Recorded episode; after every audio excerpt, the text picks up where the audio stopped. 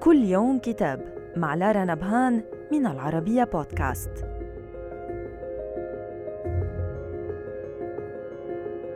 كتابنا اليوم بعنوان تراكتاتوس للفيلسوف النمساوي البريطاني لودفيك فتخشتاين يتكون تراكتاتوس من سبعة مقترحات رئيسية وكل اقتراح رئيسي ما عدا السابع مزود بتفاصيل وتعليقات.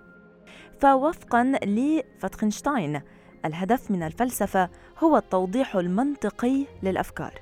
كما أن الفلسفة ليست عقيدة بل نشاط وهي لا تؤدي إلى الافتراضات الفلسفية بل إلى توضيح الافتراضات.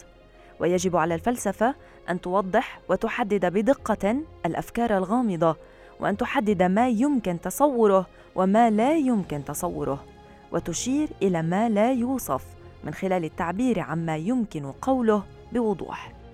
كما يدعي المؤلف أنه ليس هناك مشكلات فلسفية على الإطلاق وكل ما يسمى الأسئلة الفلسفية الأساسية التي حاول الفلاسفة عبر العصور إيجاد إجابات لها من خلال جميع أنواع الأنظمة الميتافيزيقية هي في الواقع مشكلات خاطئة.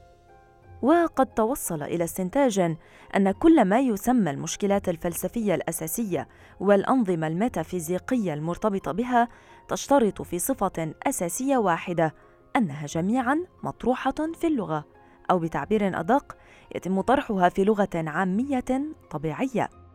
وسبب في ذلك أن كل هذه المشكلات هي مشكلات زائفة ناتجة من استخدام غامض أو خاطئ أو حتى غير مناسب للغة. وإلى اللقاء مع كتاب جديد.